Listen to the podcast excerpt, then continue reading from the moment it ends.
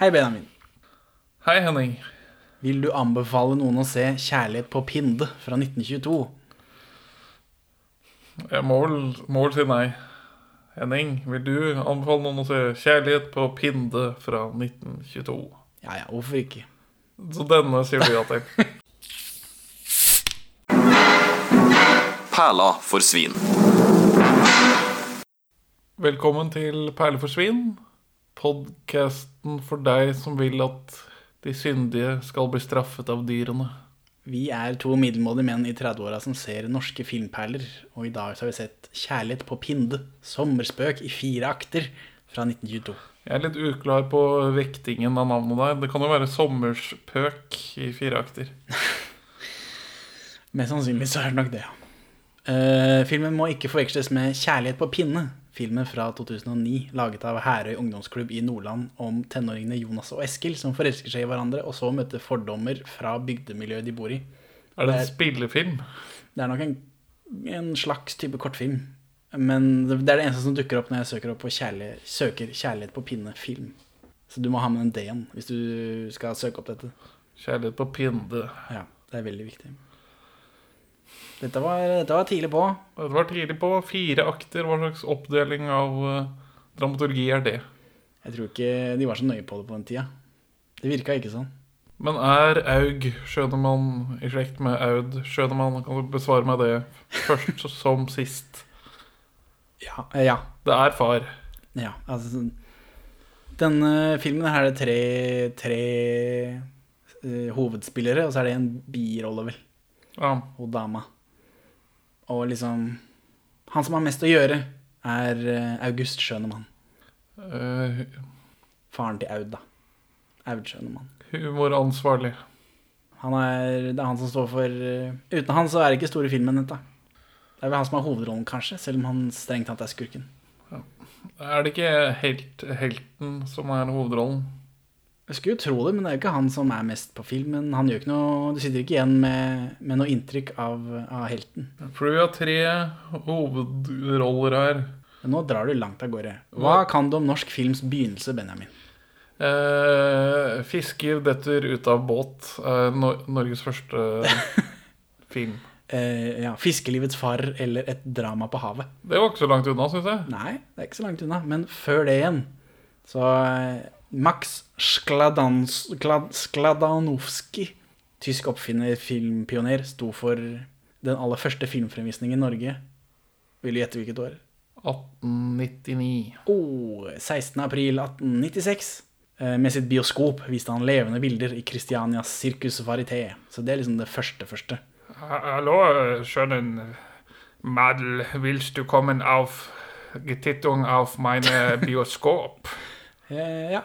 Den aller første norske filmsuksessen, Benjamin. Vil du gjette hva det var for noe? Nei, Det er en dokumentarfilm. en dokumentarfilm. Dokumentarklipp. Mm, Ja, da vet jeg hva det er, fordi du har referert til det i en tidligere podkast. Oi, altså. Kong Haakon ankommer landet. Ja, det er riktig! Altså i 1905. Så da Gå- Det kan Den første filmsuksessen i Norge. Sånn Folk gikk mann av huset for å Ja, den er iallfall viden sett. Uh, og etter det så, er, så lager de liksom aktualitetsfilmer som det heter. Dokumentarer. Hva slags format var den Kong Haakon-filmen i? Var den sånn stående? Det er flere av de, selvfølgelig. For det var i hvert fall tre stykker som hadde kamera akkurat da. Så man, man, man kan klippe det sammen til en sånn flerkameraproduksjon? Mm, Jeg er usikker. Det er jo bare, det, det er jo bare de tre sekundene han bruker på å gå av båten. ja, Hallo, hallo, Alf der! ja, Den lange, rare mannen med bart. Og Nei, jeg gidder ikke noe leke noe sånt. Stor rogalist. Nei, men Det kommer andre dokumentarer, da, eh, som eh, Bjørnstjerne Bjørnsons begravelse og kongeparets kroning. Eh, og De er ikke så spesielt avanserte. Mye av dette ligger jo på nett, selvfølgelig, hvis du googler det.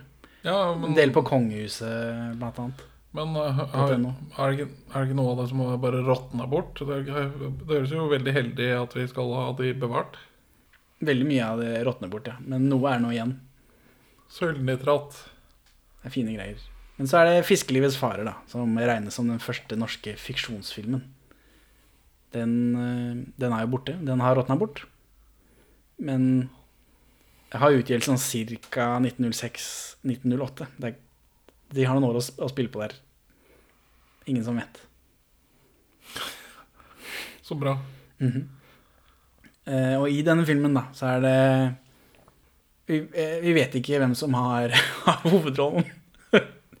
det er en unavnet teatermaler med løsskjegg eh, som spiller fisker. Og så, er, eh, og så er det en fyr som spiller sønn, som er spilt av manusforfatterens sønn, Henry Hagerup. Og denne sønnen drukner da mens de er på sjøen, og mens moren hans står inne på land og blir lei seg. Som er spilt av Alma Lund. Og den er fire minutter lang. Den første norske fiksjonsfilmen. Den er regissert av en svenske, da, selvfølgelig. Flaut. Julius eh, Jansson. Men du snakka om at du hadde sett den? Jeg har sett den, ja. Jeg har sett remaken. Yes, for de lagde en remake i 1954 med Edith Karmar som den kvinnelige hovedrollen. Ja, det er jo en hyggelig anerkjennelse. Den eldste bevarte filmen vi har, er Under forvandlingens lov, eller Jo tykkere, jo bedre, fra 1911, som er 26 minutter lang. My baby got back. My baby.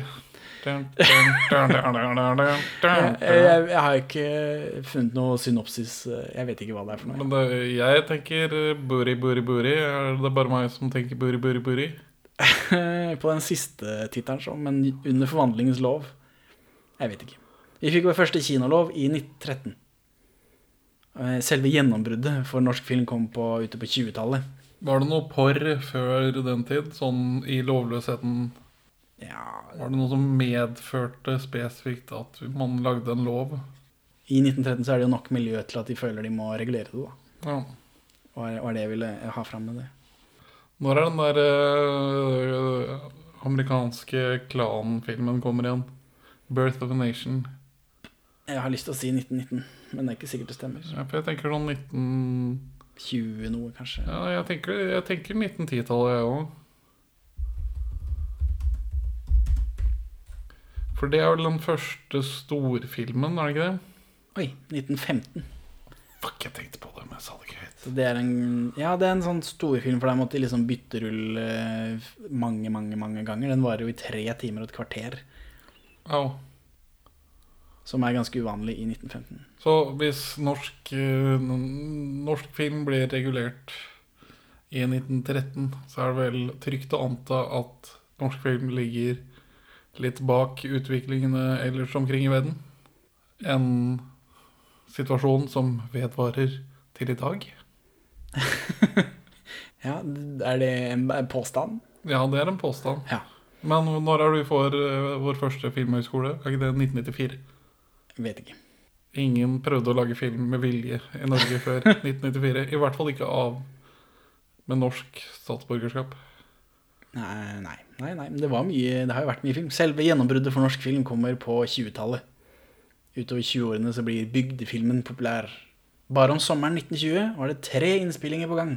Og over hele 20-tallet så ble det laget 28 spillefilmer i Norge. Så, Nesten tre år i snitt. mm. Så det, det skjer noe, da. Men bygdefilmen er klassiske greier. Ja, det er mye sånn Synnøve Hva heter det? Strandbakken? Nei. Synnøve Vigen? Nei. Terje Vigen? Nei. Synnøve Svabø, Skarbø, Synnøve Finden. Finden. Synnøve Solbakken. Synnøve Solbakken. hvem? Uh, Ibsen-greier. Nei, eh, Bjørnstjerne Bjørnson, mener jeg. Som er lagd 4000-5000 ganger på 20-tallet. Eh, også av svensker. Men for bygdekinoen altså varebiler med prosjekter på et lasteplan som kjører rundt omkring i landet, det var ganske poppis. Jeg kjøpte jo på loppemarkedet et film- og fotoblad fra 1940 som jeg ikke finner at er blitt bevart noe sted. Eh, og der, der er det en sånn Der følger det med en månedlig instruks om hvordan man skal stille inn prosjektorer og lerret i forhold til solnedgangen, som er da typisk tidspunkt å sette på filmen. Så den har sånne anbefalinger på vinkler og pæreinnstillinger. ja, ja, ja. Ja, for sånn gjorde de det. Men i 1931 laget Tankred Ibsen Den store barnedåpen, den første norske lydfilmen. Er ikke det diskutabelt? Nei, Var var det ikke en norsk samproduksjon året før? ikke som jeg vet om, men den første norske. Den første helnorske, ja, men første med, med norsk, norske produksjonen tror jeg kom var en sånn inuittfilm året før. Ja, du tenker på den med. Henki Kolstad, som er strengt tatt dansk. Ja, Så da legger vi den død. Dette, ja, denne filmen, 'Kjærlighet på pinde'. men den danske inuittfilmen faller inn under Ja, ja, podcastens altså, paraply. Med Henke, alt med, Anke med Henki Kolstad. Alt med Henki Kolstad, Kolstad er, eh, er perle for svin-materiale. Spesielt inuittgreier fra, fra tidlig, tidlig på 1900-tallet. tyske, danske og norske skuespillere som spiller Ja, ja, ja. urbefolkning. Mm, det er sånn akkurat sånn sånn det skal være. Dette er regissør Altså vår film, 'Kjærlighet på pinde', er regissør Erling Eriksens eneste film. Kan du forstå det? Det var mye greier til å være første og siste.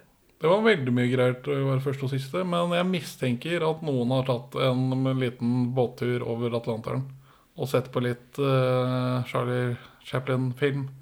For uh, han er jo veldig inspirert av uh, amerikansk fysisk lydløs film. August Schønmann, da han Haug skjønner som han er kreditert som i filmen, som er passende med hans datters tilblivende kjendisstatus. August Schønmann er far til Aud, og han dør tre år senere etter denne filmen. Av Av, eh, av generelt eh, sykelighet, tror jeg. tuberkulose, liksom. Ja, han var han, Du så jo åssen han så ut. Polio. Han hadde mye trøbbel, tror jeg. Norsk biografisk leksikon sier da han spilte vertshusholderen i Gullgraverne i Liers lokale, begynte man å legge merke til han, og teatret annonserte. Herr skuespiller August Schønemann vil som komiker par excellence foran stykket foredrage sine mest morsomme skrøner og nyeste viser. Akkomang... ak- Akkompagnert Apoga, Akkompagnert av Utføres av frøken Kirsten Flagstad. Kjenner du Kirsten Flagstad? Mor til Kjartan Flagstad. Kone til Kjartan Flagstad. Søster til Kjartan Flagstad. Jeg vet ikke om hun har noe med han å gjøre i det hele tatt. Jeg, nei, jeg kjenner ikke til henne. Det er statue av henne på Operahuset. Ute. Det er hun vi hadde på hundrelappen før de bytta til fisk eller olje eller hva faen det er for noe. Hun var altså hans akkompagnør og sommerflørt på Kongsberg Sommerteater i 1930. Er det eh, Norsk Biografisk leksikon sier. Jeg beklager at jeg prøvd, kun prøvde å kjenne igjen henne ut ifra hennes relasjon til menn. For ikke bare var hun på hundrelappen og står som statue foran, eller på operataket. Hun er også en av to nordmenn på Walk of Fame i Hollywood. Oi, hvordan kom hun dit? Eh, operasanger, da. Sånn, så hun tok båten over dammen? Men hvem er den andre? Hun var også litt Mm, sånn Henny? Ja, sånn er Henny. Ja, men skal du satse på fotballen, så må du satse på skolen, Henning. Så enkelt er det. Stykket som August uh, man slo gjennom med, Futt, er koskrevet av faren til Kirsten Flagstad, Mikael. Så eh, det var noe greier der, da. Og så, og så er det folk Jeg har lest om gubben. Det er folk som har skrevet bok om ham. Han døde da han var 33, liksom. Han veide 41 kilo da han døde. Men alle de som skriver om det, var at han liksom Å, en, dette er en komikerlegend. Jeg tror han er mest komikerlegende fordi han liksom døde på topp. For det var ikke så Han ser veldig rar ut, det skal han ha. Kjemperar ut. Og han, han, han vet det. Vi hadde jo et sånt Two of Soul-øyeblikk inni der, hvor vi begge tenkte på at han så ut som en nåså fra The Julekalender. Ja, når han stirrer som en gærning rett inn i Han har sånn- veldig rare, ekle øyne. Absolutt.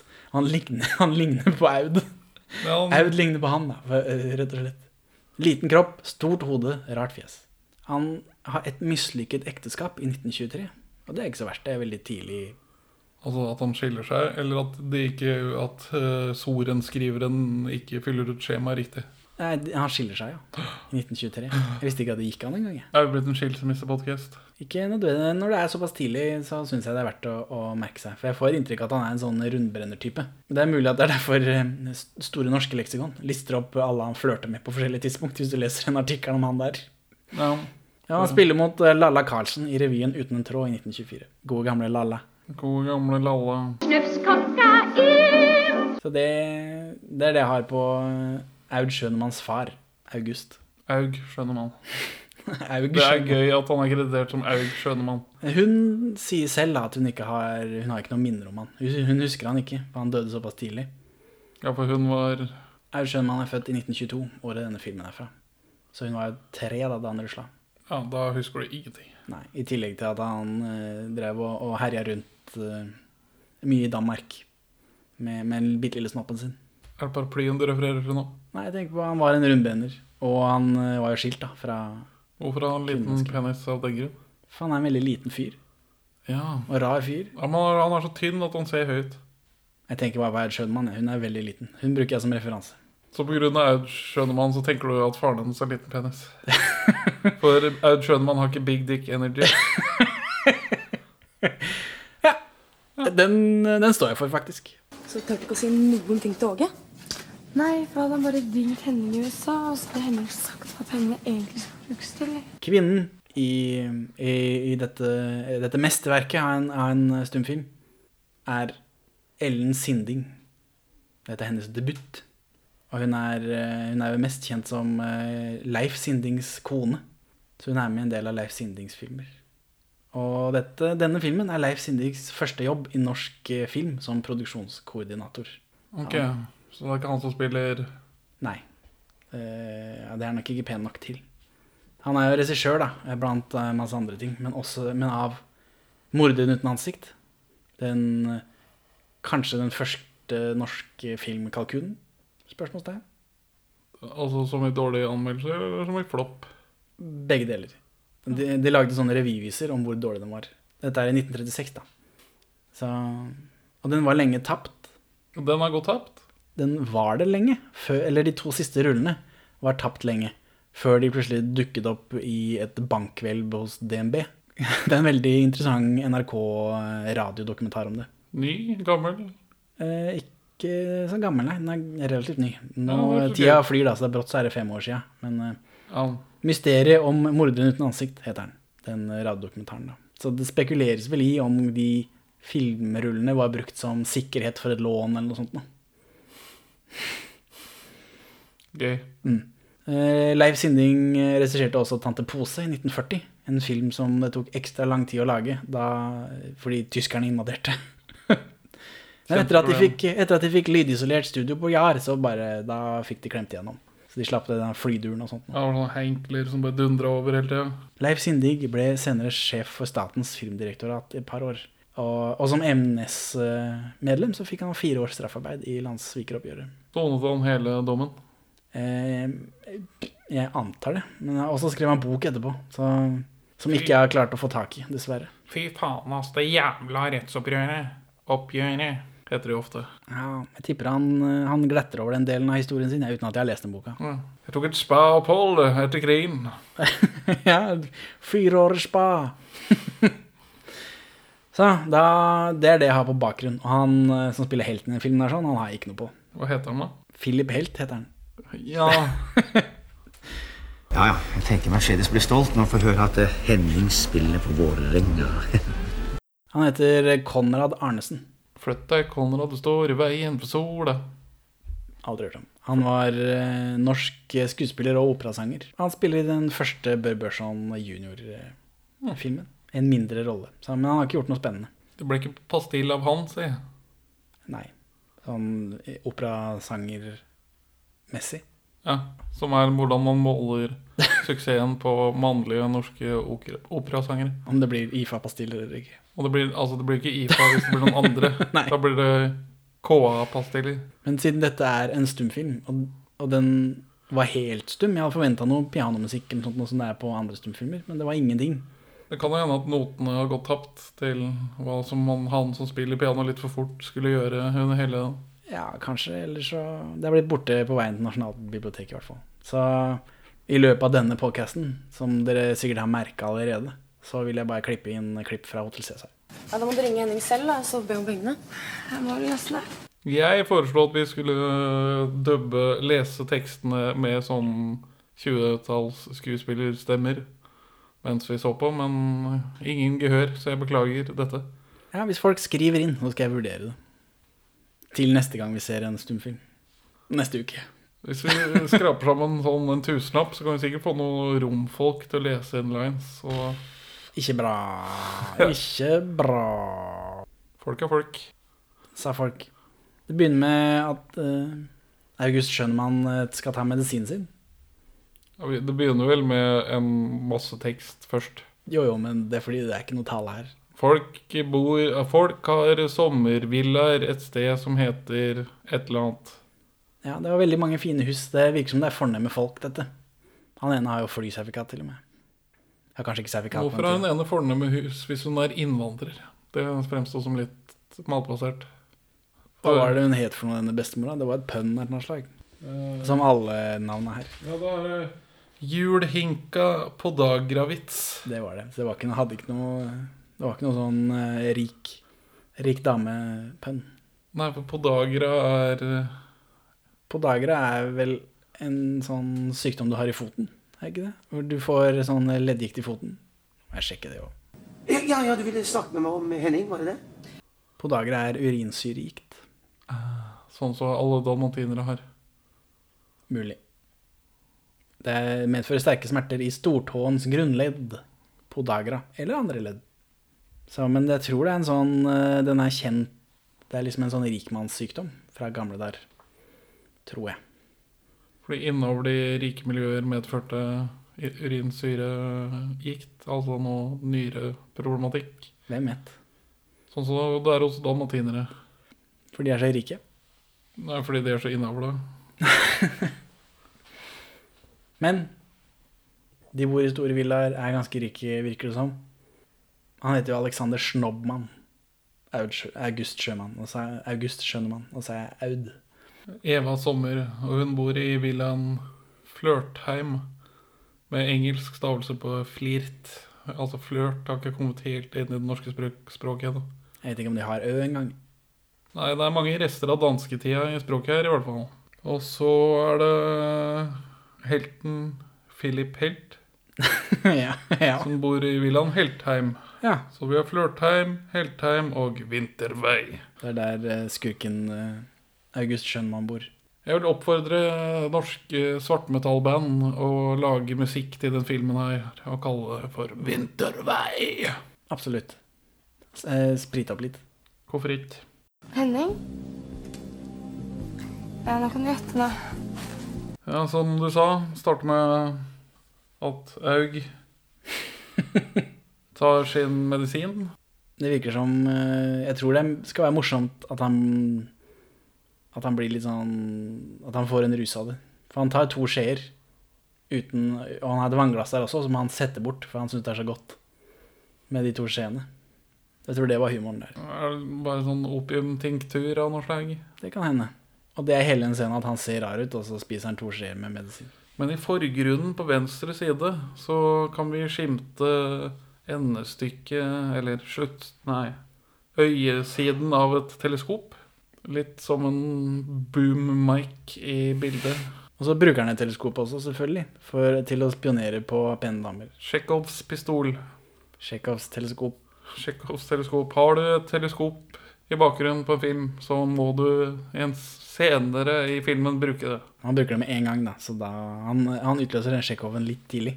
Men dette er jo før de har eh, Det er vel før Tsjekhov har kommet med denne teorien sin, så det er mulig Var ikke Tsjekhov sin teori til å brukes i skådespill først? det går an å finne da. Hva er det for noe? Har det skjedd noe? Henning? Jo, det er nok eh, etter at Tsjekhov kom med den teorien, for han døde i 1904. Heid. Da klipper jeg til den samtalen. Nei, det her er jo den spennende delen av samtalen, at jeg hadde rett. Nei, nei, nei. nei, nei. Det, det er grunn til at jeg klipper ut at du har rett hver gang. Philip Helt, ja. og Men de Aug eh, Aug bruker teleskopet til å spionere på Eva Sommer, da. Ja. Eller han, først titter han mye utover fjorden, og så er det sånn Og så kommer det opp et sånt bilde sånn Hva, hva, hva er det jeg ser i min, eh, i min kikkert? og så er det bare nærbilde av dameben. Oh yeah. Wow, wow, wow. Og så kommer han Philip Helt ut på trappa si. Han har også en kikkert som han bruker til å spionere på samme dame. Sånn, sånn, sånn, sånn, sånn kapteinskikkert. Sånn enkelt, Sånn- uttrekkbart teleskop. Eh, Jeg vet ikke om det er noe symbolikk i det, men den er lang og tynn. Heyo. Så, så det begynner jo med at begge er like sleskete. At de spotter henne, og hun skal de ha. Begge to. Og, men imponerende nok så etablerer filmen en kontinuitet i hvor hun bor. Hun bor jo mellom disse domenene. Ja, og konsekvent vises det at Aug ser fra høyre side, og Philip Helt. Philip Helt Konrad ser, Arnesen. ser fra venstre side. Og altså aksebrudd er noe norsk film vil gjøre senere enn dette. Så at en film fra 1922 skal klare å unngå det, det Ja, det etableres også at hun har en hund, en St. Bernhardshund, og en liten valp. og, og dyr vil jo bli en gjennomgående tematikk i filmen. Det var kanskje mer dyr i Oslo-området på den tida. Mye mulig. Det er ikke så mye løse kuer eh, i Oslo-området nå. Han snobbmann, Aug, Han har en bitte liten paraply. og er dødelig forelsket i Eva. Får vi beskrevet via tekst, selvfølgelig. Og han ser helt utrolig skummel ut, som nevnt. Ja, en kjempeekkel Utseende, liksom. Han kan ikke noe for det, tror jeg. Charlie Chaplin, liksom. Ja, dette er en film eh, som har sin, sin symbolikk på ermet. Philip Helt er kledd i hvitt, og Snobbmann her eh, er jo kledd i svart. Da. Så han, eh, han, skal, han er jo skurken, men han ser jo også veldig skurket ut. Sånn av natur, tror jeg. Se for deg da ansiktet til Aud Schønmann på en liten, liten rar fyr. Med utrolig ekle øyne. Det må ha vært noe, de må ha vært uheldige med filmen eller noe sånt. Han ha, kan ikke ha sånne øyne på ordentlig, kan det? Ja, han satte inn sånne glassperler foran. Det, det var veldig Ja, for de var nesten helt hvite, på en måte. ja, Jeg syns nesten de fikk sånn grønnskjær på den ellers så variabelt fargede filmen. Nei, det var rart. Men så begge de har øh, vært kikkere med hver sin, hver sin Kikkert. Men øh, så øh, en eller annen lang sånn tekst om at Aug øh, øyner muligheten for å tilnærme seg sin store kjærlighet. Eva Sommer, da. Eva Sindig. For For- hun, hun er ute i skogen. Ja, og går tur med hundene eller noe annet. Jeg så ikke noen hunder. Jo, hun har med valpen. Ja, valpen har jo med For han- For den store hunden ville jo jage han lille Aug. Ja, for uh, uh, han tilnærmer seg henne, og, sier, og så blir han veldig forstyrret. Så her må du klippe inn at du gjør den stemmen for å lese den mest hakkede delen av dialogen i Jeg tipper jeg klipper inn Anette Hoff som spiller full. Men så si noe, da.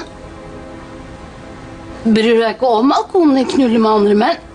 For han er sånn, prøver å tilnærme seg henne, og så er han noe sånn nervøs, så det blir sånn æm, æ, æm i teksten. Og Han så er litt nervøs, sånn, nervøs, da. Å, for en skjønn valp. Er ikke Er, er valpen din til salgs? For han, han skal vel bryte isen, da. Men så er jo han en veldig klein fyr. Slett ikke. De kan selv være en valp. Som han kom en diss til hunden ved å kalle en valp. Og så begynner han å Å antaste henne. ja, jokke på henne. Og han er liksom over hele ho. Han har munnen sin på nakken hennes. Og så er det bare sånn kontinuerlig jokking med klærne på. Ja, eller han er liksom over hele, da, med, med hender og, og det som, det som er. Det kom litt bardust på. Eh, Ja, det, det gjorde det. Det, var, det kom litt ut av det blå. Jeg hadde ikke forventa full, eh, full metoo så, så tidlig. Så tidlig i filmen, altså. For så, ja, for så vidt så tidlig i, i kronologien til filmen også. Medie. Medium-filmen. Men hun roper hjelp, da. Hjelp! Hjelp! Hjelp! Hjelp! Hjelp! Og hvem er det som hører dette, om ikke det er den eneste andre mannen i den filmen? Det er Nesten som noen roper navnet hans. Philip Helt kommer eh, til unnsetning og får eh, jaga bort denne gærningen, da. Ja, Han kommer bare liksom dit, og så er det et eller annet sånn pow, og så er det Ja, for i tillegg til å være eh, veldig skummel, så er han også veldig feig. Aug skjønner man her. Han er bare, han er bare modig når han drikker. Så takk for hjelpen til å få bort han påtrengende fyren. På, påtrengende. veldig påtrengende. Ingenting bla, bla, bla, bla, bla. Bla, bla, bla, bla, bla. ja, eller altså For i stumfilmer så får du disse plakatene hvor de skriver hva de sier. Og så klipper de tilbake til de, til de som har den samtalen, og så sitter vi bare og ser på. Og det, det virker unødvendig. Det holder med ja, lite grann, kanskje. Et, kanskje et kvart sekund av det. Vi skjønner det, på en måte. Vi trenger ikke å se de ha den samtalen vi akkurat har lest. Show, don't tell. And if you tell, don't show. Og så går de vel hvert til sitt. Hun sier 'tusen takk for at du redda meg'. Og så går de hvert til sitt, hvert til sitt. Og så skal Eva danse. Ja, første akt er over nå. Det var akt én. akt, lang tekstgreie, et eller annet, et eller annet, men uh, Det er, handler om at Augen eh, han, han, han, han er fortsatt like gira, da. Selv om han er liksom blitt uh, nedslått første gang. Men Aug kan ikke få sitt ideal ut av tankene.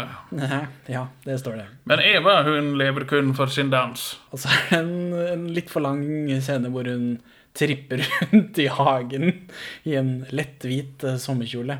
Og det, jeg tenkte, dette her, det er derfor folk går på kino, det er for å se dette. Ja, på tidspunktet tidspunkt er det for, Altså, vi må huske at dette er tippoldeforeldregenerasjonen som er målgruppen. I Ja. hvert fall for min del. Ja, altså, Pornhub kom jo ikke før i 1933. Ti år etter. Er Litt sånn uh, rart valg av år der. Hvorfor det? Pornhub Det var humor. Jeg tror ikke det kommer før en stund senere. Men ja, jeg tror uh, dette er det er dette folk vil ha, tenker jeg. Når jeg ser Ja. Det. Er uh, i sånne humorlystspill, så hvor det er en pen dame, da skal det danses. Og det Det foregår litt for lenge for min, for min del. For min smak. Nå er jeg et moderne menneske, da. Det var jo ikke disse i 1922.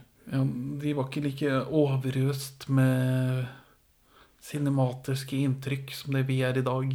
Nei. Nei, det er sant. Og, men August skjønner man blir jo, Aug, Aug blir jo såpass inspirert av dette. Han skjønner at, eh, at dansen står sterkt i Evas hjerte. Så han eh, skal jo da også lære seg å danse. Og det er jo veldig Det er et steg opp, da, fra bare gå, gå rett på antasting. At hun har en interesse. La meg gjøre dette til en felles interesse. Ja. Vi kan bygge et bånd. Men det, det resulterer selvfølgelig i en altfor lang scene hvor, hvor August Schønemann også da, danser i en sånn lett hvit sommerkjole. Han føyer seg inn i, i den lange norske tradisjonen om, eh, om menn i drag. Den norske revytradisjonen menn i drag. Det er vel en uh, tradisjon som er like gammel som selve skuespillertradisjonen, er det ikke det? Ja, og men jeg tenkte akkurat den revydelen, den norske revydelen, er veldig Jeg føler den er spesifikk. Ja, Det er, altså- ikke, det er ikke Shakespeare som nekter å la kvinner arbeide som skuespillere. Nei, men altså, det er vel en tradisjon som har sin rot i antikken. Ja, fordi de ikke ville at kvinner skulle arbeide. Men tenkte, nå tenkte jeg akkurat den delen her. Her drar de jo humor ut av at dette er en mann som ikler seg kvinneklær. Mens i antikken så var det dette, dette er bare en kvinne. Men kan, det ville vært galskap å ha en kvinne i rollen som en kvinne. Men norske skuespillermanualer er vel papirus Fra antikken. Ja. Ja, det tror jeg. Men ja, det Altså jeg, jeg satt og prøvde å tenke på Nå har jeg ikke møtt tippoldeforeldrene mine, da, så jeg prøvde å se for meg foreldrene til oldeforeldrene mine sitte og bare sånn sprutle av den sekvensen der. Mann i dameklær! Jeg ser humoren i det. Ja. Selv om, ikke, selv om jeg er vant til Jackass, som er absolutt min type humor, så, så ser jeg at folk kan synes det er gøy. Hadde Leif Juster kommet i kjole, liksom, for han, det bidrar veldig at han har såpass rar kropp. Ja, det er jo hans eh, store selling point. Beregning. Og så skal Eva dra og bade. Ja, Hun skal gå og svale seg i sjøen. det er mye bading i den filmen her. Det er tross alt et sommerspill i fire akter. Sommerspøk i fire akter. Så da er Aug på stalkeren igjen. Han er det. Men flaks for Eva. Så kommer det en ku og jager han. Og han piler av gårde i sånn litt høyhastighets stumfilm. Ja, her får vi spesialeffekter. Det renner over av spesialeffekter i denne filmen her. Fortfilm. Det er ikke hver dag. Så klatrer han over et gjerde, og så mister han buksa når han klatrer over gjerdet. Ja, Det morsommere blir det ikke, men han har heldigvis underbukse som går ned i sokkene. Men så dette er første gangen han jages av et dyr i filmen. For det kom som et stort sjokk på meg at det skulle være noe gjengående tematikk i filmen. Ja, men Det er vel bare sånn de løste opp, for de setter han opp i en situasjon, og så må de løse dette på en måte, uten at Eva kommer til skade. Og da, i 1922, så ble, var det vel dyr som invaderte livet ditt hele tiden da, og ødela for deg. Det må være noe sånt. Hvordan lager man fortfilm i 1922, Benjamin? Hvordan man lager fortfilm. Ja, i, også i 1922. Man vrir raskere på den mekanismen som driver rullen rundt, antar jeg. Jeg ser ikke for meg at det er Eller Det var jo såpass ganske jevn hastighet på filmen, så kanskje dette var et motorisert kamera. Jeg vet ikke. Men ja, det er jo bare Men altså, det er jo det samme hvis du skal lage fortfilm i dag med et filmkamera som ikke er digitalt.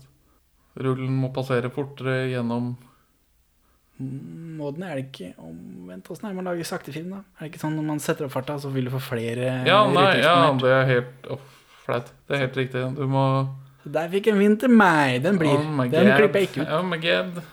var det jeg skulle fram til bare. At da må du så vri den der eh, kaffekverna litt saktere. Det, så, det var gjennomført på en måte hvor det så litt morsomt ut, men altså August er jo en, en legende, som de sier på internett, ser jeg. Så det er, det er kanskje noe i det, da. Så kommer det et ord jeg aldri har hørt før. Supé. Supé. S-O-U-P-E med apostrof. ja. Det virker som det bare er en drink. La oss ta en drink sammen. Ja, for Augs del betyr det en drink, men Men, men Eva inviterer Philip Hell på en supé. Og, og August ordner sin egen supé alene.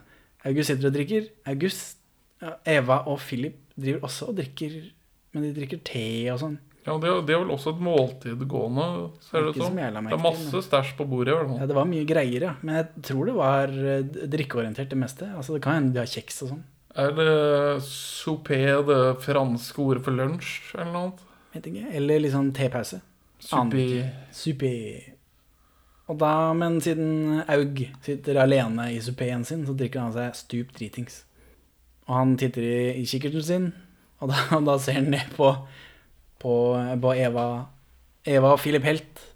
Og der er Philip Helt litt, litt for mye på, kanskje.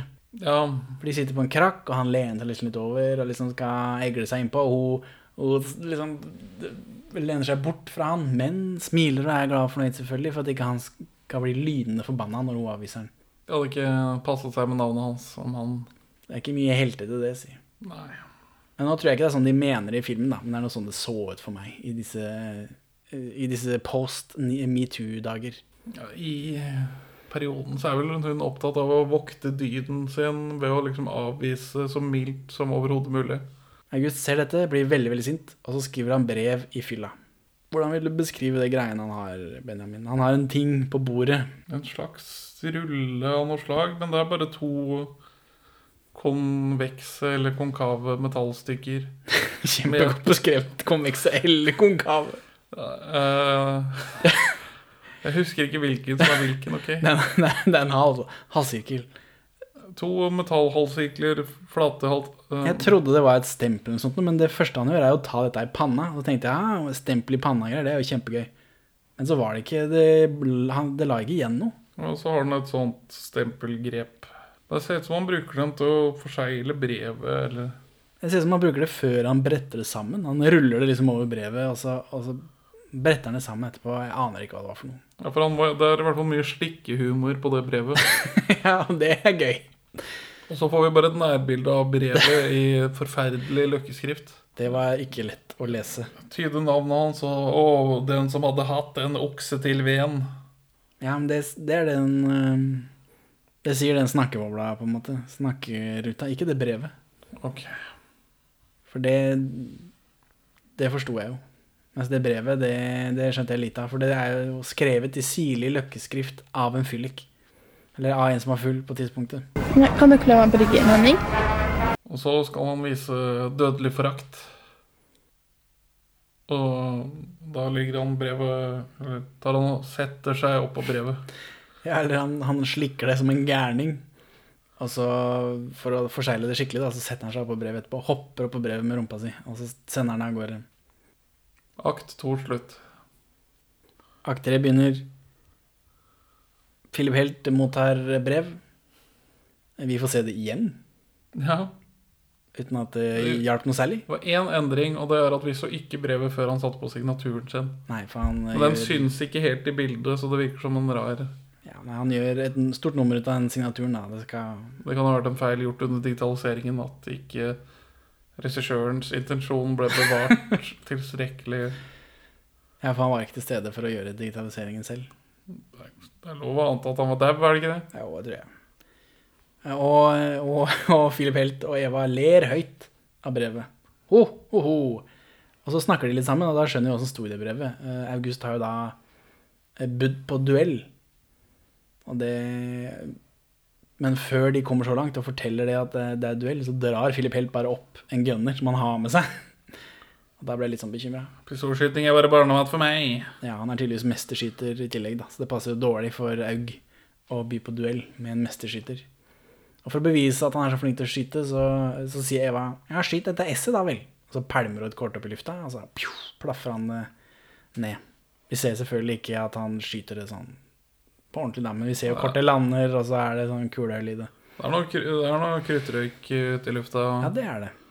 Men er det, er det også en sånn ting filmen gjør konsekvent? For Aug har jo et kjempeteleskop sammenlignet med Philip Helts lille kikkert. Og Philip Helt er også en bitte liten pistol, mens uh, Aug har en monsterrevolver. Kan det hende at det bare ser ut som Monster Revolver siden han er så bitte liten? Jeg tror det er Det blir jo morsommere om han har noe kjempestort og rart, han som er så liten, på en måte. Jeg vet ikke om det var noen intensjon Et eller annet sånn at helten ikke trenger så mye for å Nei, jeg vet ikke. Men det er riktig, den pistolen hans er veldig liten. Veldig sånn pussig liten til å drive duell med. Det er ikke størrelsen som teller. Nei, det er the motion of the ocean. Yes. Not the size of the boat, it's the motion of the ocean. Men eh, August må selvfølgelig øve, da, før han skal Før han skal drive med duell, for han er ikke så veldig god, eh, god med våpen. Så det er dumt av han å tilby duell, da.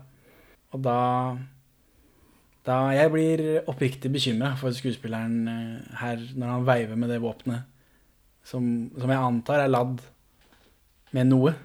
Ja, løskrutt eller hva enn det er. Det er lurt er det ikke, i hvert fall. Nei, jeg vil gjette at det er løskrutt, men jeg vet ikke om de hadde løskrutt uh, i 1922 i Norge. Ja, hvis du setter en uh, løskruttgunner til øyet ditt og trekker av, så er det høy sannsynlighet for at du dør. Ja, og det òg, selv om det er løskrutt, så blir jeg veldig bekymret for han. Han titter opp i gunneren på et tidspunkt, og så rett etter det, ikke i ansiktet heldigvis, så plaffer han løs, og da, da kommer det røyk. Så jeg tror han kunne avgått med døden tre år tidligere. Så han har vært litt uheldig der. Kanskje det ikke hadde blitt noen Aud? Mm, Nei Hun er født i november. Filmen er spilt inn i Jeg vet ikke, men ikke, den filmen er spilt inn på sommeren. Ja, Og jeg tror ikke de har så lang postproduction på dette. så Ja. Hun kunne vært farløs enda tidligere. jeg vet ikke om det hadde påvirka Stor henne. noe. forskjell. Men ja, det var et flue ja, Hans grunn til å se inn i pistolen var at det kan ha vært en flue i hullet som har stoppet pistolen fra å funke. Ja, Tror skal illustrere at han ikke har så mye peiling på våpen. ja, han har ikke så peiling, peiling på så veldig mye, egentlig. Men når, idet han fyrer av det skuddet som heldigvis ikke treffer han i ansiktet, så etter hatten hans av, langt oppi et tre. Og det var eh, Det var det, er, det å se humoren. Men det er sånn Det er mye av dette som er sånn Looney Tunes-humor. Det er eh, tegneseriehumor, liksom. Som var gøy da, da vi var små. Ja, det, men folk var vel små når humor ikke hadde eksistert på film før. Ja, ja. Men jeg, jeg, ser, jeg ser hvor de vil med det. Ja, det er sånn, ja, dette, er, Komisk. dette kan jeg kjenne igjen at det er eh, hvor all YouTube-humor kommer fra. Sånn, for lenge, lenge, lenge, lenge, lenge, lenge siden. Og da, for å få tak i den, så tar han med seg saga, og så klatrer han opp i treet, og så setter han seg på greina. Så den kvisten her Han sitter selvfølgelig på feil side av greina da, når han sager den av, så han detter ned. Men får med seg hatten. Og det er sånn vitsetegninghumor. Og det vitsetegninger hadde de vel før 1922.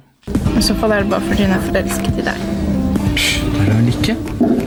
Våkne opp, Og så har han fått litt medfart, og så øh, øh. Han fikk jo juling av den oksen i tillegg, så han, han okker seg. Men han har vondt. Ja. Og så når han detter ned fra den greina, så har han i hvert fall vondt. Så nå blir det igjen mann mot naturen. Han går og setter seg for å hvile under et tre. Og da blir han driti i kjeften av en fugl. Som var litt vanskelig å se til å begynne med. Vi ser han liksom reagere på noe, men siden det er svart-hvitt, og den fuglebæsjen er veldig hvit, så var det litt vanskelig å se. Men, men det kom fram etter hvert. Ja, og han har bare fugledritt eh, Utover hele munnen. Mm. Og så ser han opp på den fuglen, og så sier han 'jeg forstyrrer dem kanskje'. Unnskyld, jeg sitter kanskje i veien for deg. Så er det duell i grålysningen. Og så tror han at han har vunnet fordi Philip Helt ikke har kommet ennå. Og så gjør han et sånn Napoleon Han setter hatten på skeiva, og så har han liksom hånda i, i jakka, og så går han litt, litt sånn rart som man gjør når man er liten og rar og komiker. Jeg, jeg tipper det var Det må ha vært Napoleon. Aug var 33 når han døde, sa du? Det stemmer. Han er 30 i denne filmen. Så, men Frankrike har ikke hatt noen keiser med navn Napoleon siden 1870, tror jeg. Jeg husker ikke om Napoleon 3. fikk noen oppfølgere. Nei, det vet jeg ikke noe om. Men dette er Napoleon den første som har hatten på snei og hånda i jakka. Eller, da. Ja, eller hånda jeg, innenfor jakka. Jeg tror de som prøvde å etterape hans stil ved å stjele navnet hans, også tok noen stilelementer fra mannen. Ja, men ikke den hatten på skeiva. Jeg er 100% sikker at det er Napoleon Bonaparte den aller første. Ja, Hvis, hvis du fortsatt insisterer mitt- på at det ikke er det, så byr jeg deg på et duell. Poenget mitt kunne bare være at hans foreldre kan ha levd i en tid hvor man hadde Napoleon på tronen i Frankrike. Var det det som var poenget ditt? Ja, altså at han er ikke så langt unna en regjerende Napoleon som han først tenker seg. Nei, du sa under filmen nei, han husker ikke slaget ved Waterloo. Ja, det er jeg klar over. Men han er ikke så veldig langt unna en Napoleon i Frankrike. Nei. Nei, det er riktig. Det er snakk om 52 år, liksom. Ja, Men han husker ikke slag, slag i Frankrike. Er- Herregud. Slaget i Frankrike er ikke før i 1940, så Slag i Belgia. Beklager. Vive le France! Vive la Belgia. Duell. Um, hvordan går denne duellen til slutt, da? For, eh, for uheldigvis for Aug så dukker Philip helt opp med eh, Eva på slep. Hun er vel sånn sekundant, da. Sikkert. Hun har på seg sånn slør, så jeg vet ikke om hun sørger på forskudd, eller om det er joken. Jeg vet ikke. Men ja, de avtaler å gå fem skritt hver. Ja, tusen takk. Eh, Aug går selvsagt langt flere og gjør et lite hopp på slutten.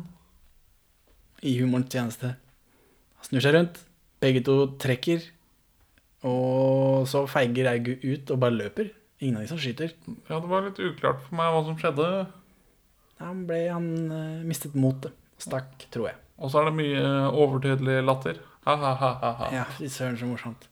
Og så, og så Så ble, ble jeg overraska, for da sitter vi hjemme med Philip Helt og Eva Sommer. De ler og koser seg. Fy søren, så dum han Aug er.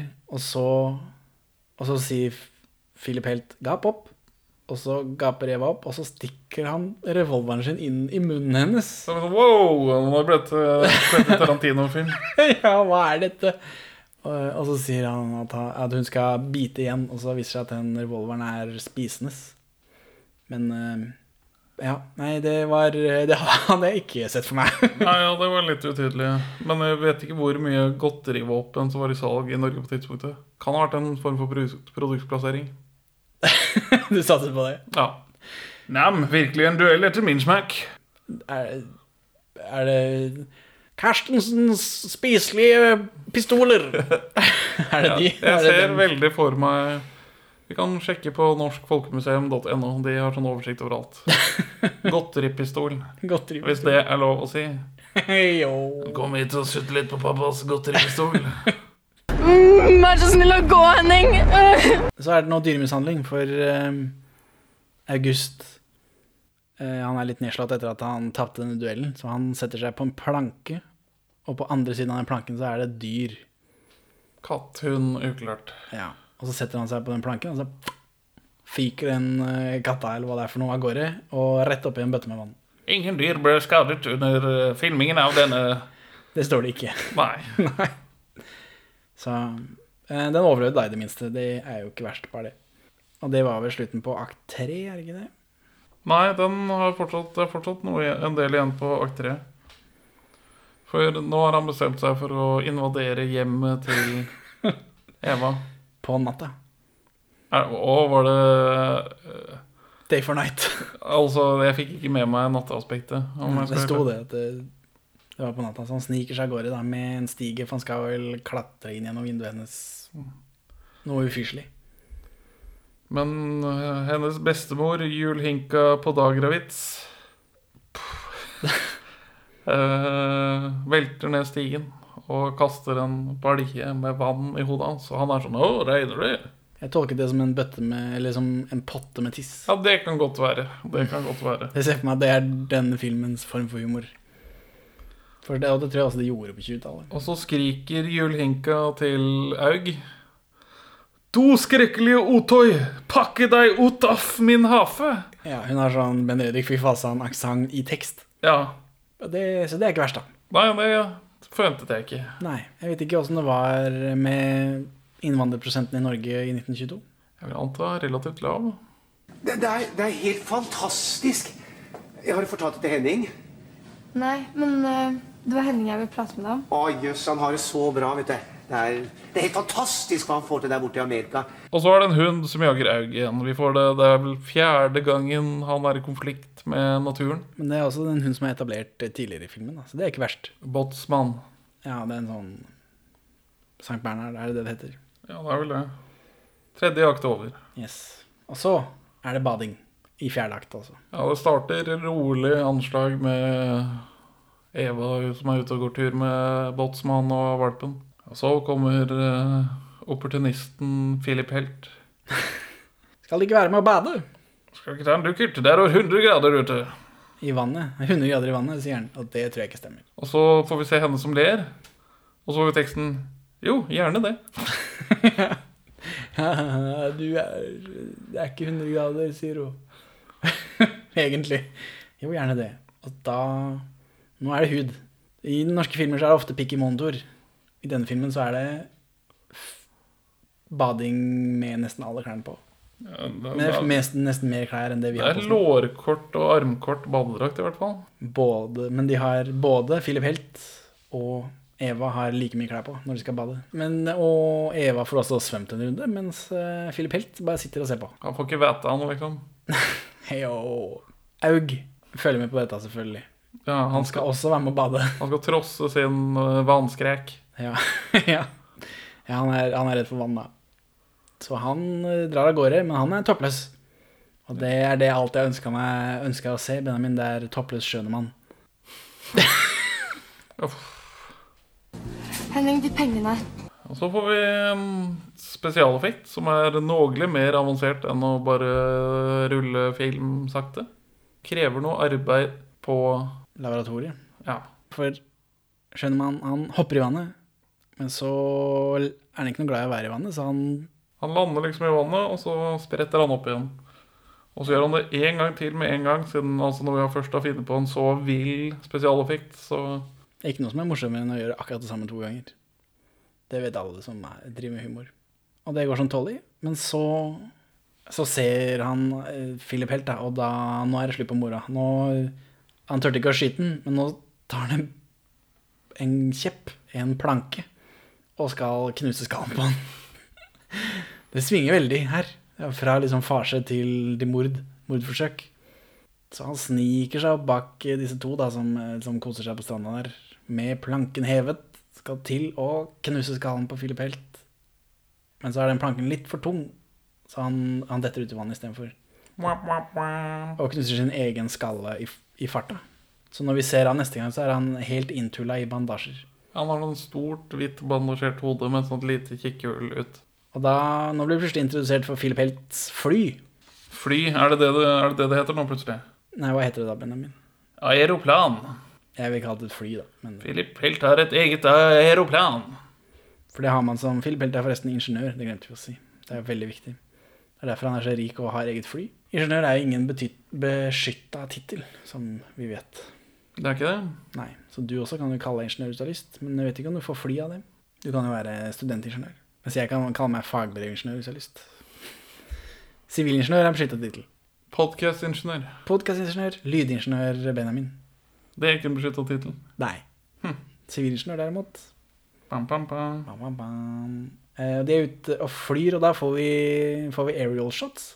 Det var jo kanskje det mest interessante med hele filmen. Gamle Oslo fra lufta. Ja. Det kom overraskende på. Det var veldig det er likende. Dette må ha vært en slager blant publikum i 1922.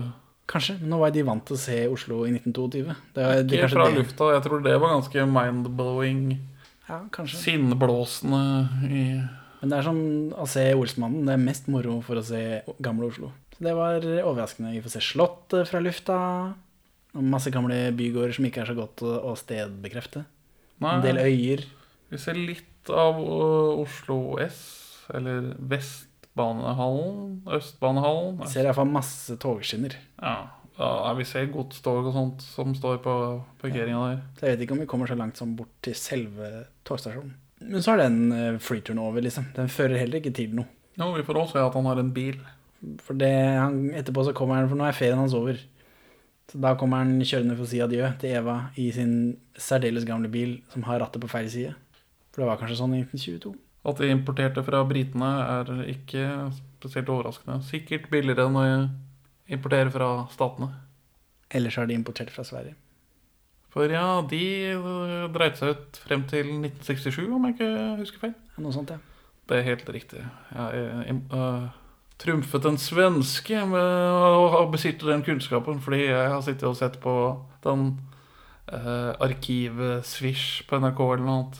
Jeg så en gang et klipp på NRK fra den overgangen fra venstrekjøring til høyrekjøring i ja. Det gjorde de på en dag, bare. Det er ikke noe problem, Storbritannia. Det er bare å gjøre det.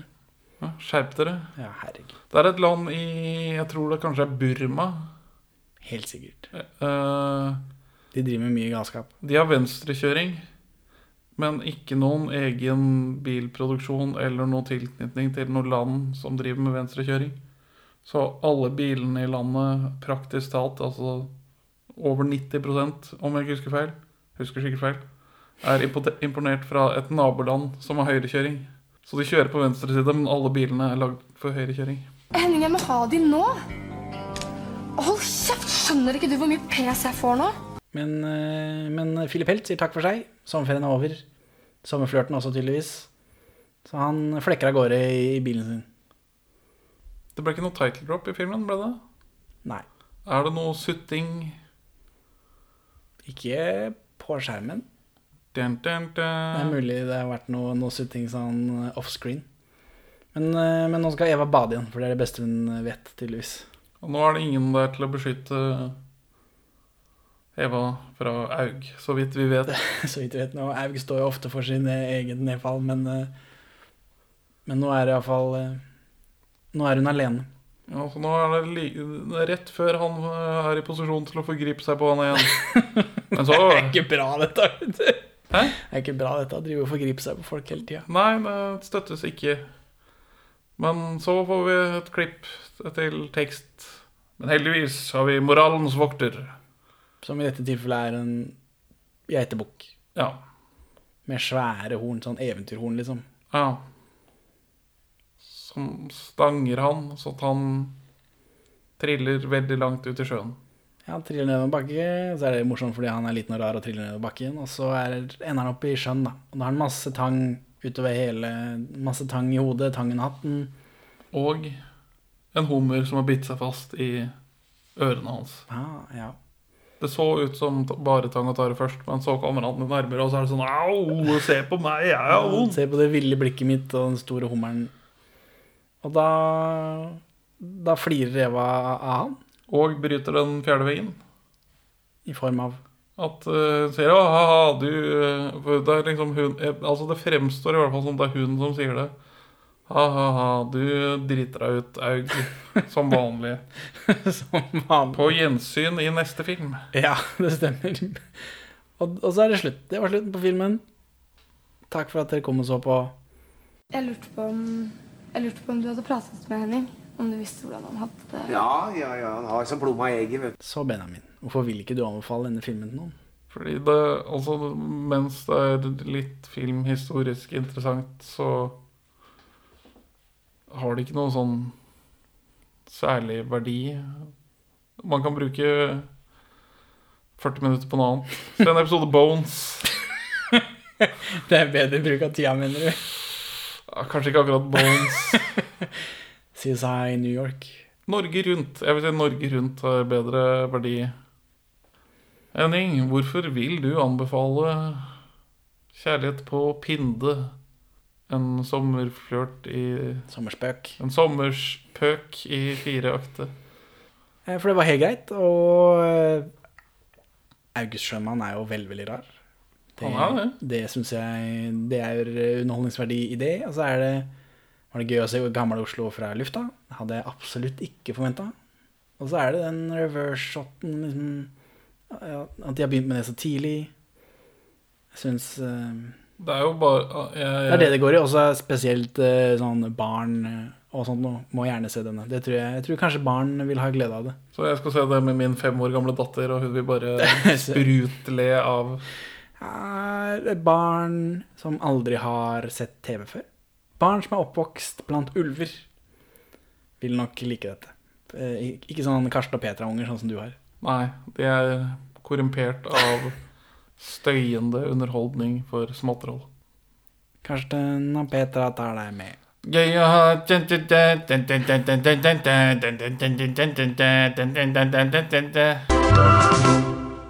Det er jo en sånn For hvem er det som har laget musikken? Er det ikke han Lars Kirvold? Lørdagspizza. Livet er for kjipt. Aha. Karsten. Petra hele året. Ha det bra, Henning. Ha det bra, Benjamin. Takk for at du hører på Perler for svin. Du finner oss først og fremst på perleforsvin.no, men også på Twitter under perler-for-svin, Facebook som perleforsvinpod, eller du kan maile oss på perleforsvinpod at gmail.com. Gi oss gjerne en eh, rating i din lokale podcast-avspiller, og, og legg igjen en beskrivelse, så folk skjønner hva det er for noe tull vi egentlig driver med. Her er ukas Pål Bang-Hansen-sitat ute av kontekst. Du går på manuslinjen, og en manuskriptforfatter er et fattig menneske som sitter og skriver hjemme hos seg selv, muligens med en eh, ginflaske i, i papirkurven, sånn som i Hollywood i gamle dager. Hvordan lærer man å bli manusforfatter? Åh, vet du hva, Henning, du er en dritt. Du skal få så jævlig for det her. Når er det den Nå knoter du fælt, kan ikke du bare gjøre det? Når er det den første Ikke mens du snakker, da, vet du. La la la la la la la La la la la la la la Stapp den snusen i kjeften og kliner til deg.